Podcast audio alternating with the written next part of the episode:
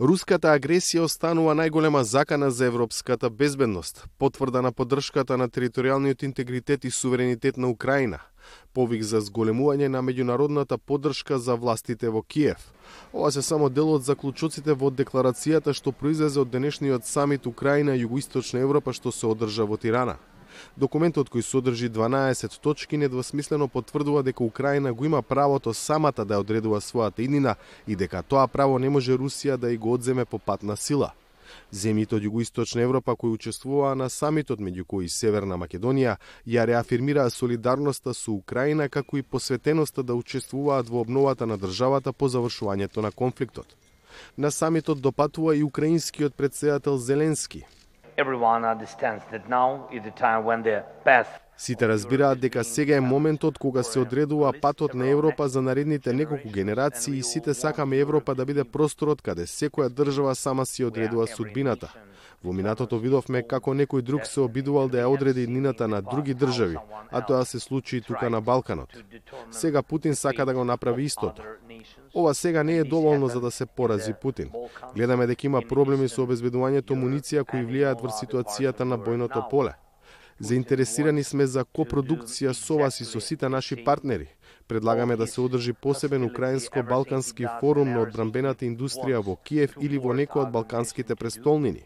Задоволен сум од заедничката соработка на нашите земји. Путин не успеа во своите намери за брзо да ја покори Украина, изјави домаќинот албанскиот премиер Рама.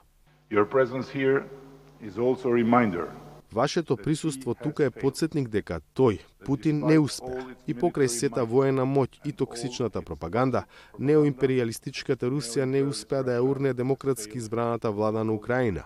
Русија не успеа да ја скрши волјата на украинскиот народ да живее во слободна, независна и демократска татковина. Русија не успеа да ја потисне вистината. Владимир Путин сакаше да ја збрише Украина за неколку дена, но позицијата на Украина денес е повеќе од кога било зацементирана во Европа.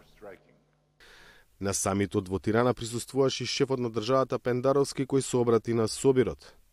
Неодамнашната одлука на Советот на Европската Унија да обезбеди помош од 50 милиарди евра, како и изгледите за обезбедување на околу 90 милиарди долари од страна на Американскиот Конгрес се сметаат за соодветен правец на действување.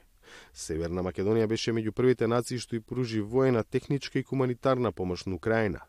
До сега имам испорачено 12 пакети помош со вкупна вредност од 60 милиони евра. Заедно со нашите НАТО сојузници и со истомислениците ќе продолжиме да се спротиставуваме на нападот врз независноста на Украина, барајќи одговорност за сите извршени злосторства со цел да се обезбеди правда за жртвите и за нивните семејства, порача Пендаровски. Самитот во Тирана се случува во период на интензивирање на руските напади на истокот од Украина, како и повлекувањето на украинските сили на делови од фронтот, пред се поради недостигот на вооружување и муниција кои доаѓаат од НАТО сојузниците и од Соединетите Американски држави. Загласот на Америка од Скопје, Владимир Мирчевски.